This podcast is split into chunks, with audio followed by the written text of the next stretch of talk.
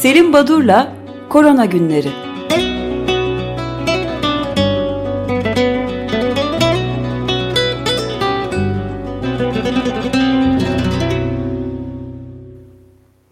Günaydın Selim Badur, merhabalar. Dünya gününüz kutlu olsun. Günaydın, günaydın efendim. Günaydın. Ee, ne- neyimiz kutlu olsun? Duymadım. Dünya günü, yeryüzü günü. Ha, Dünya günü, pardon özür dilerim. Sizin de efendim. Teşekkür ederim. Günaydın Feryal ve Özdeş. Ee, ama korona haberleri çok e, böyle kutlanacak bir durumda değil. E, Pazartesi gününden e, bugüne geçen 3 gün içinde ortalama dünyada 795.362 kadar e, yeni koronavirüs e, olgusu saptandı. E, bu arada e, bir hafta biz e, program yapmamıştık. E, Açık Radyo, Açık Gazete tatildeydi. O sırada ilginç bir şey. Yani Açık Radyo'nun oralardan dinlendiğini e, duymak, e, fark etmek hoş bir duygu. Kanada'dan ve Avustralya'dan ya niye program yok bugün diye mailler gelmişti. Onu söylemeyi unuttum. E, yani Açık Gazete'yi insanlar o coğrafyalarda da izliyorlarmış. Tabii çok duyarlı e, ve e, programa destek olan, uyaran, e, en ufak bir hatada öyle diyorsunuz ama eşin aslı öyle değil şeklinde uyarıda bulunan Sayın İnsan Tunalil ve Bülent Beycan. Onlara da teşekkür etmek istiyorum bu duyarlı Açık Radyo dinleyicilerine.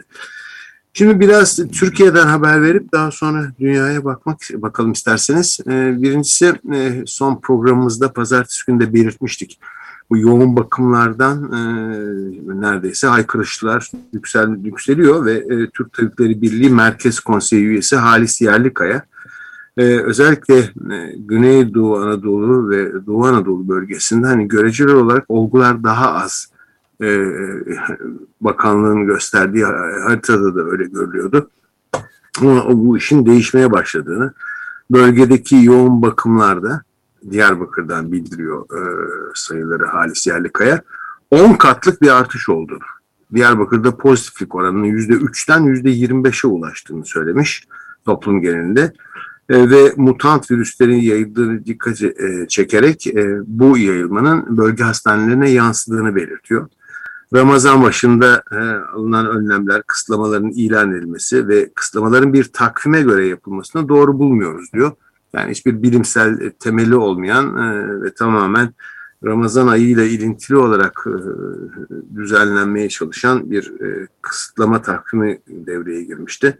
Sonuçta biz virüsle randevuleşmiyoruz. Virüsün bir dinamiği var, tarih dinlemiyor şeklinde e, e, açıklaması var ve aşılamanın da yüzde 44'lerde kaldığını belirtiyor.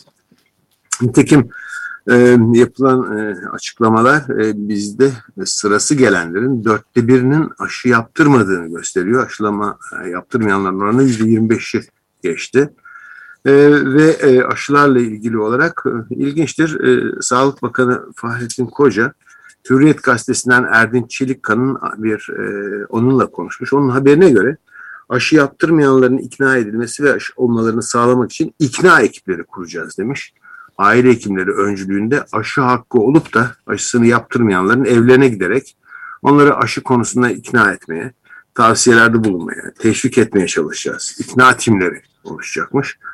E, çünkü e, bir yerde aşılama istendiği gibi gitmiyor. Tabii ben e, Türk Tabipleri Birliği'ndeki verilere de baktığım zaman hani e, kampanyanın e, çok e, güçlü bir şekilde yapılmasın, yapılmamasının nedeni elde aşı olmamasına bağlıyorum. E, onun verileri e, bu olumsuzluğu gösteriyor. E, nitekim dönem dönem e, birdenbire e, randevu sistemleri kapanıyor biliyorsunuz.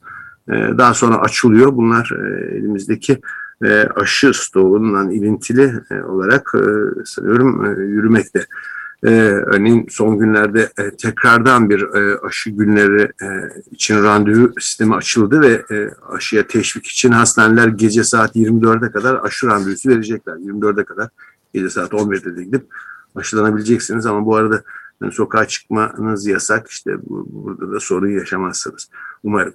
E, bu arada e, biz tavsiye e, ve e, ikna timleri kuracakmışız. Bu komik ve ironik bir şey gibi gelebilir ama dünyadaki bazı uygulamalara da değineyim isterseniz. Hani insanları aşıya yönlendirmek için ne yapılıyor? Örneğin Hindistan'da Rajkot şehrinde aşı olan kadınlara ücretsiz altın burun hızması veriliyormuş. Erkeklere de el blenderı veriliyormuş. Kuzey Delhi bölgesi yönetimi de ekstra yüzde beş vergi ödemesi yapıyor. Ülkenin farklı yerlerinde yani Hindistan'ın e, aşı olanlara atıştırmalık ikramları yapılıyormuş. Araba tamiri indirimleri, tavuk yemekleri aşı teşviği olarak dağıtılıyormuş. Çin'de bazı bölgelerde El bazı kantonlarda iki karton söylemeliyim açıkçası. ben de anlamadım evet yani onu. Belki o, o belki o yörede erkekler mutfakta çok yemek yapıyorlar bilemiyorum Özdeş. Çin'de ise iki karton yumurta, oyun parklarına bedava giriş, tavuk kanadı, un, para ödülü aşı teşviki olarak verilmekte. Rusya'nın başkenti Moskova'da aşı yapanlara, yaptıranlara dondurma ikram ediliyor. İsrail'de aşı olanlara ödülleri arasında İsrail'in uyguladığı e, ödül politikasında kutu kola, alkollü, alkolsüz bira, pizza ve geleneksel yemekler var. Herhalde koşar yemekleri dağıtıyorlar. Dubai'de bazı restoranlar e, aşı olduğunu gösteren bir e, belge sunan müşterilerine ilk dozu yaptıranlara yüzde on, iki dozu yaptıranlara yüzde yirmi indirim yapıyor. Amerika Birleşik Devletleri'ndeki bazı e, eyaletlerde de donat, marijuana, bira, Atari jetonu, popcorn video oyunları yapıyor. Buna karşılık Endonezya aşı yaptıranlara ödül vermiyor, aşı yaptırmayanlara para cezası veriyormuş. Ee, e, Ama yoksul ülkelere de aşı filan gitmiyor. Bunu da biliyoruz. Evet. Ee, o kadar kusur olacak diyeceksiniz şimdi. Öyle değil. lazım. Bilim kurulu üyeleri Sinovac aşısı olan 15 milyon kişiden yaklaşık 2500'ünün koronavirüse yakalandığını ama hastalığı çok daha hafif atlattıklarını, yoğun bakım ihtiyacı gerektirmediklerini belirtmişler. E, özellikle bilim kurulu üyesi Profesör Doktor Sema Tufan Turan bu açıklamayı yapmış. E, Aile Hekimleri Derneği'nden Doktor Mustafa Tamur da e, kendilerini nezle sanan gizli Covid hastaları e, görüyoruz artık demiş. Diğer bir deyişle e, hani insanlar kendilerine Covid'i kondurmak istemiyorlar, e, test yaptırmıyorlar, e, grip ilacı alıp evlerine normal hayatlarına dönüyorlar. Bu da çok tehlikeli demiş. Ama en çarpıcı açıklama e, Sayın e, Fatih Erbakan'dan geldi. Necmettin Erbakan'ın oğlu. Kaynaklar yetmiyor, nüfusu azaltmak lazım diye zaten söylüyorlardı. Yapılan aşılar kısırlaştırıcı olabilir açıklaması yapmış. Herkes bir tarafından çekiyor e, bu e, demeçler böyle. E, bu arada Sağlık Bakanlığı'na e, çocuklarla ilgili ve COVID e, ile ilgili sorular yöneltilmiş. E, özellikle e, multi-inflamatuar sendromu bu MIS-C adı verilen hani Kawasaki'ye benzeyen e, bir kalp kası ve koroner damarları etkileyen bir inflamasyon, geniş yaygın bir inflamatuar hastalık. E, işte e, Türkiye'de kaç tane böyle olgu var falan gibi e, sorular soruluyor. Bu da bilgi edinme merkezi, Sağlık Bakanlığı'nın bilgi edinme merkezine sorulduğu zaman örneğin pozitif çıkan çocuk sayısı kaç tanedir? Kaç çocuk hayatını kaybetmiştir? Kaç çocukta bu tip multi-inflamatuar sendrom vardır? E, Sağlık Bilgi Sistemleri Genel Müdürlüğü'nden genellikle şöyle bir cevap geliyormuş. E, Sağlık Bakanı Fahrettin Koca ve bakanlığın düzenli bilgilendirilmesini takip edin e, deniyor ama takip ettiklerinde de e, hani fazla bir çocuklarla ilgili sayısal değer ya da bilgi e, sağlamak mümkün değilmiş. E, nitekim o sayfada COVID-19 durum raporu bakanlığın web sitesindeki bu e, bölümde Aralık 2020'den beri sayfada herhangi bir güncelleme yapılmadığı, raporlarda hastalıktan etkilenenlerin yaş grupları ve cinsiyetlerine dair bilgi verilmediği e, vurgulanmış. Bu arada çocuklar deyince Cerrahpaşa Tıp Fakültesi'nin Çocuk Hastalıkları Anabilim Dalı Başkanı Profesör Doktor Haluk Çokuğraş'ın 4 Nisan'da bir açıklama yapmıştı. 18 yaş altı 70'e yakın çocuk hayatını kaybetti diye. E, ve e, paralel bir e, açıklamada e, Türk MIS çalışma grubu yani bu bahsettiğim e, komplikasyon çocuklarda görülen e, Kawasaki hastalığına benzeyen bu yaygın inflamasyonla seyreden tablo. E, bunun çalışma grubu var. Bu çalışma grubundan Profesör Doktor Dilek Yılmaz Çiftdoğan da 25 merkezde yaptıkları bir çalışma sonucu e, Nisan 2020'den beri yaklaşık 400 çocukta ülkemizde bu tanının konduğunu ve bunların yarısının yoğun bakıma ihtiyaç duyduğunu belirtmiş. Bunlar e, biraz karamsar haberler ama ne yazık ki ülkenin gerçekleri. E, bu arada e, Türk Hava Yolları Britanya ve Danimarka'dan Türkiye'ye uçuşları açıyormuş. E, biz açıyoruz da e, hani Batılılar e, da kapıyorlar. Amerika Birleşik Devletleri Türkiye'ye seyahat etmeyin uyarısı yaptı biliyorsunuz CDC kanalıyla, e, hastalık evet. kontrol merkezi kanalıyla. Benzer bir durum e, iki gün önce İsviçre'den geldi. E, iki gün önce Türkiye'yi ilk kez COVID-19 bakımından riskli ülke listesine aldı. Aynı e, durum Almanya ve Rusya için de geçerli. Rusya normal ve charter uçuşları 15 Nisan 1 Haziran arasında sınırlandırma kararı aldı. Bunlar olurken e, bilim kurulu üyelerinin bazıları AVM ve kuaförler yasaklanmalı gibi açıklamalar verdiler. E, ve bilimsel öneriler yeterince dikkate alınmadı diyorlar. E, Cumhuriyet Halk Partisi e, Genel Başkanı Kılıçdaroğlu da bilim kurulu üyelerine korkmayın konuşun demiş. Ya bu, bu garip bir durum tabii. Hani korkuyorlar mı, konuşmuyorlar mı, konuşuyorlar da biz mi duymuyoruz? Ama e, orada ilginç bir e, durum var. Bu arada e, e, DISK e, Araştırma Merkezi, DISK AR'ın e, Türkiye'deki e, işçi kesiminde, çalışan kesimde COVID-19 e, DISK raporu ikincisini yayınladılar.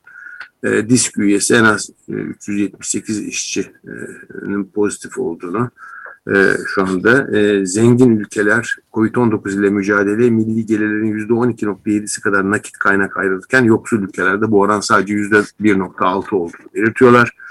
Türkiye vatandaşı yönelik nakit desteklerinin en az olduğu ülke, en az ülkelerden bir tanesi, en az olan ülkelerden bir tanesi. E, nakit desteğin de e, ülkemizde yapılan e, aslında e, büyük kısmının bütçeden değil işsizlik fonundan kaynaklandığı, oradan geldiği e, belirtilmiş. Nitekim sosyal koruma kalkanı adıyla yapılan 60 milyarlık harcamanın 51,5 milyarı işsizlik sigortası fonundan 2 milyarı vatandaştan toplanan bağışlardan önerdi. Yani 53,5 e, milyarlık ödeme bütçeden yapılmadı. Sadece 6 milyar ayrılmış bütçeden. Bunlar e, bizim e, topladığımız ülkemize ait haberlerde. Bir de bir duyuru Ömer Bey siz biliyorsunuz. Şimdi Türkiye'de bir informal eğitim ve danışmanlık hizmetinin bir çalışmasından bahsedeceğim. Bu kuruluş e, farklı sınıf seviyelerinden öğrenci gruplarıyla belirli temalarda eğitim programları, projeler gerçekleştiren bir kuruluş. Başlıca temaları da enerji ve sürdürülebilirlik, kent ve bilim. Şimdi bu kuruluşun e, İtalyan Play ID e, isimli bir e, İtalyan sivil toplum örgütüyle beraber hazırladıkları ve Uluslararası Çocuk Müzeleri Birliği tarafından da tüm dünyada önerilen bir kitapçığı vardı. Meraklı çocuklar için bir rehber, koronavirüs. Bu kitapçık İstanbul Kent Konseyi işbirliğiyle çocuklarla buluşmuştu. Şimdi onlar ikinci bir kitabı çıkarmışlar. Meraklı çocuklar için bir rehber, aşı kitabın adı. Aşı kabulünü ve aşıları olan güveni arttırmak, aşı e, tereddütünü, tedirginliğini azaltmak, aşmak e, ve hepimizin için anlaşabilir, erişilebilir bilimsel bilgilere e, sağlamak için çocuklara yeni bir e, kitap ve yeni bir etkinlik düzenliyorlar. Etkinlik düzenlemelerinin nedeni de biz de büyük olasılıkla önce sağlık programında önümüzdeki hafta herhalde bu konuyu ele alacağız. E, çünkü 24-30 Nisan haftası Dünya Aşı Haftası. Şimdi e, e, informal eğitim ve danışmanlık e, kuruluşu e, İstanbul Kent Konseyi ile birlikte bu Dünya Aşı Haftası e, bağlamında bu kitapçığı çocuklarla buluşturuyorlar. Ee, ve e, 24 Nisan'dan başlayarak bu kitapçık geniş bir erişebilirlik sağlamak için online olarak çocuklara ulaştırılacak. İstanbul Büyükşehir Belediyesi'nin etkin dağıtım kanalları üzerinden İstanbul'daki çocuklara e, ulaştırılacakmış. E, bu arada e, meraklı çocuklar için aşı rehberi konusunda 3-15 yaş grubundan çocuklara bir anket düzenlenmiş. Uzatmayayım 24 Nisan Cumartesi günü saat 11'de e, bir toplantı yapılacak. Toplantıda e, BİAD Bilim İletişim Direktörü ve sorumlusu e, İtalya'dan Sayın Lucia Biandaro, e, İstanbul Kent Konseyi Başkanı Tülin Hadi, e, Gebze Teknik Üniversitesi Moleküler Biyoloji ve Genetik Bölümünden Profesör Doktor Uygar Tazebay katılacaklar. Açık Radyo'dan da ben katılacağım. E, ve böylece e, bu e, aşı konusu çocuklara ulaştırılacak bu kitap e, bağlamında e, bu Dünya e, Aşı Haftası da hem kutlanacak hem de bu konuda bir e, duyarlılık yaratılmış olacak. Önemli bir e, etkinlik olacaktır. Evet, bir, muazzam bir önemi var çünkü mesela son rakamları görünce insan e, şaşkınlığa kapılabiliyor. Yani dünyanın çeşitli yerlerinde Amerika Birleşik Devletleri ordusunda dünyanın en büyük ve en güçlü ordusu e, bir buçuk milyonluk da bir nüfusu var asker nüfusu yüzde ellinin üzerindeymiş aşı karşıtlığı. Evet aşı karşıtlığı yani, e, gerçekten ciddi bir sorun. E, bu arada e, daha önce de değinmiştim Bilgi Üniversitesi'nden Sayın Pınar Uyar'ın, Semerci ve e, Sayın Emre Erdoğan'ın yaptıkları bir TÜBİTAK projesinden. Orada da ilginç bir nokta vardı sanıyorum bu konuya değinmiştik ama hatırlatmama izin verin. E, Batı ülkelerinde daha çok e, okumuş e, tahsilli, e, eğitimli kişilerde olan aşı karşıtlığının ilginç bir şekilde başka gelişmekte olan ülkelerde görmediğimiz şekilde Türkiye'de özellikle COVID-19 aşısı ve COVID-19'a bakış e, özellikle daha e, hani eğitim düzeyi daha aşağıdaki gruplarda yaygın olduğu saptanmıştı. Bu çok ilginç bir nokta. E, ciddi bir farklılık. Şimdi dünyadaki gelişmelere bakınca hani hep bir dönem 2020 yılının sonlarına kadar örnek ülkelerden biri olarak gösterilmişti. Özellikle Avrupa ülkeleri arasında en iyi önlemleri alan, bu işi en iyi idare eden, e, üstesinden gelen e, ülke deniyordu Almanya için. Almanya parlamentosu Bundestag galiba federal hükümetin e, pandemiyle mücadele yetkilerini arttıran bir yasayı onayladı dün. 342 evet karşılık 250 hayır oyuyla kabul ettiler. Ama bu yapılırken dışarıda da çok ciddi protestolar oluyordu. çünkü önlemleri sıkıştıran ve karar almayı kolaylaştıran, hükümete tamamen devreden, e, sürat kazandırmak için e, bir yasaydı bu. Sağlık Bakanı'nın konuşması ilginç. Aşılama ve test yaparak pandemiyi kontrol almak e, mümkün olmuyor diyor. E, bu kısıtlamalar e, fiziksel mesafenin en az aşı kadar en az e, bu e, kısıtlamalar e, ve testler kadar kısıtlamaların önemli olduğunun altını çizmiş Alman Sağlık Bakanı.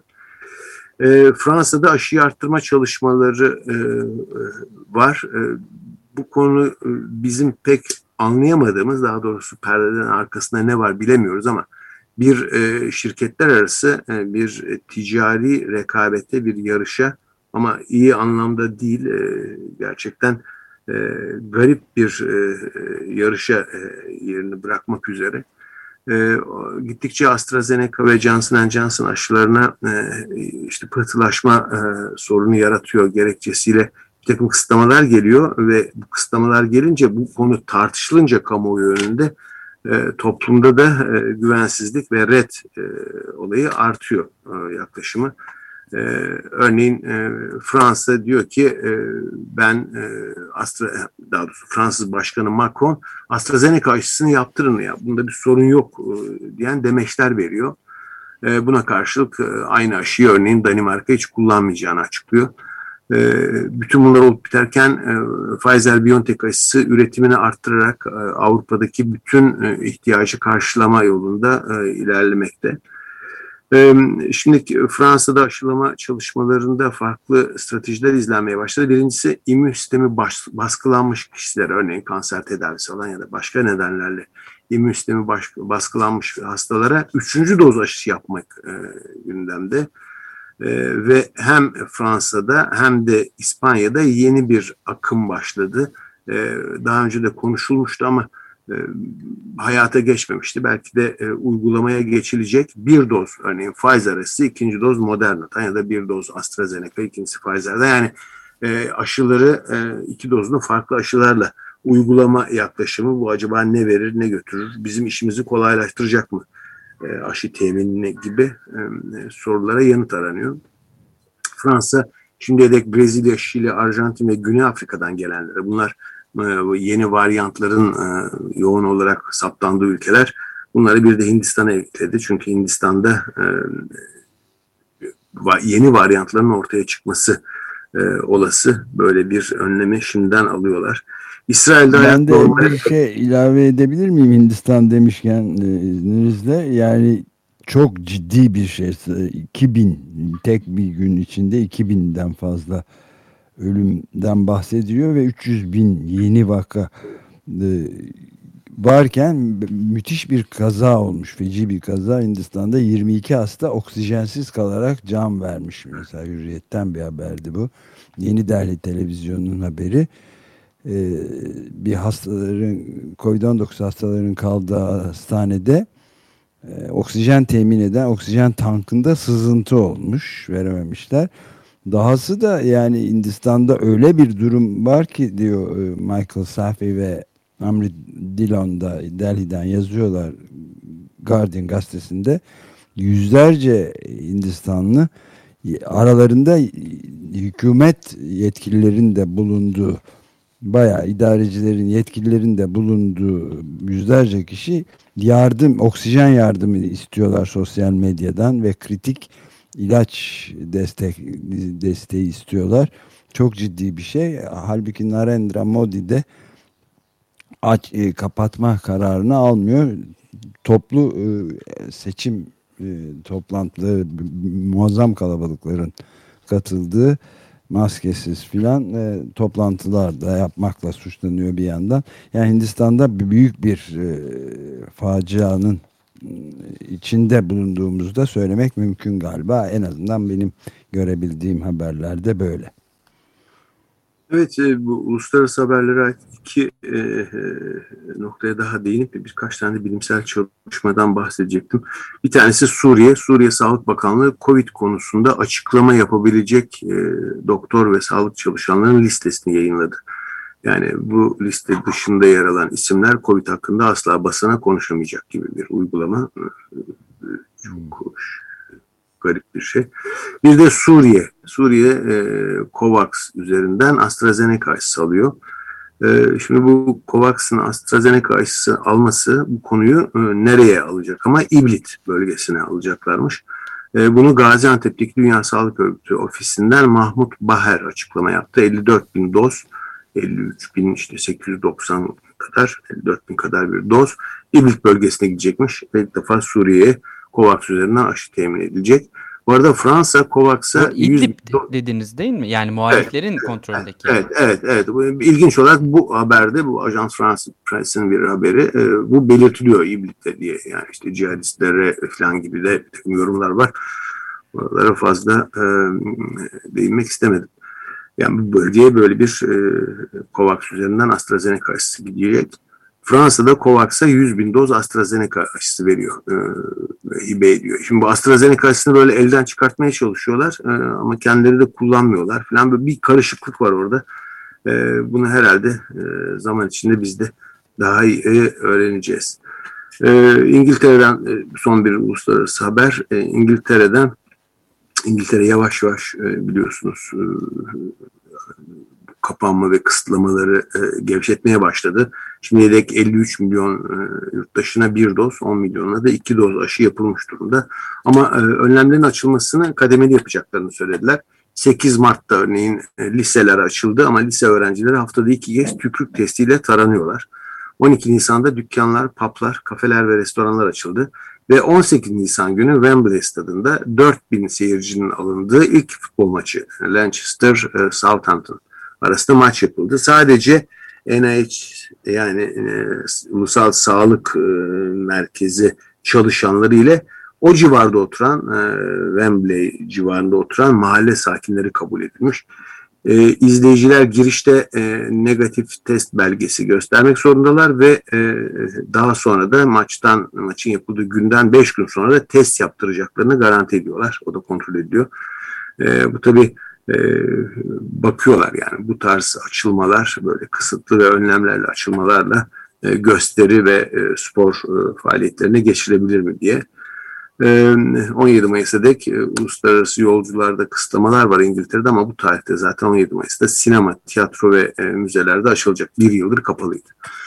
Şimdi fazla vaktimiz kalmadı ama iki dakikada şu haberi vereyim. E, Nature dergisinde Stephen Camp ve arkadaşları bir makale yayınladılar e, bu varyantların nasıl ortaya çıktığını e, izini sürmüşler.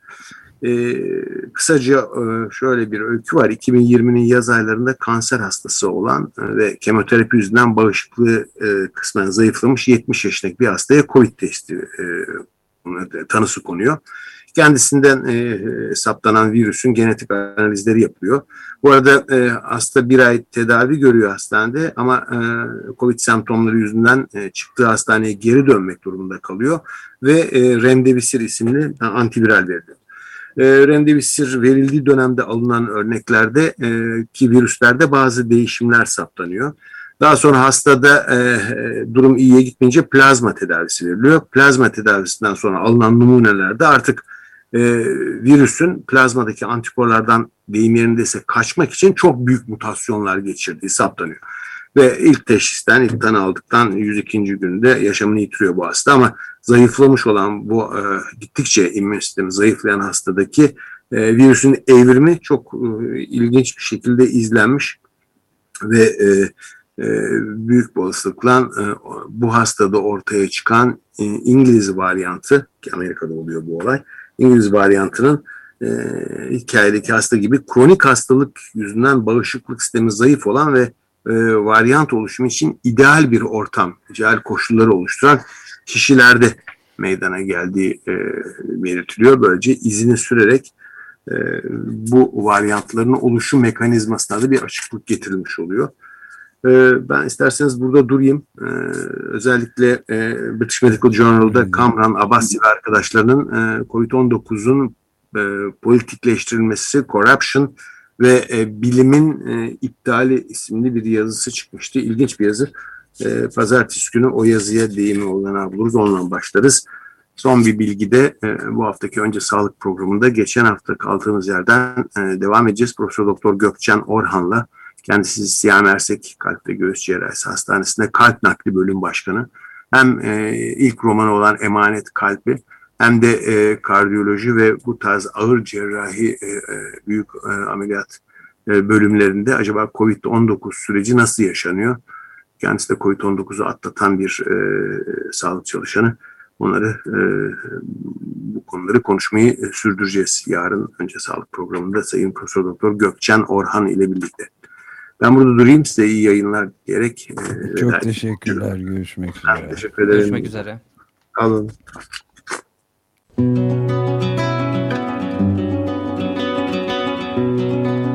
Selim Badur'la Korona Günleri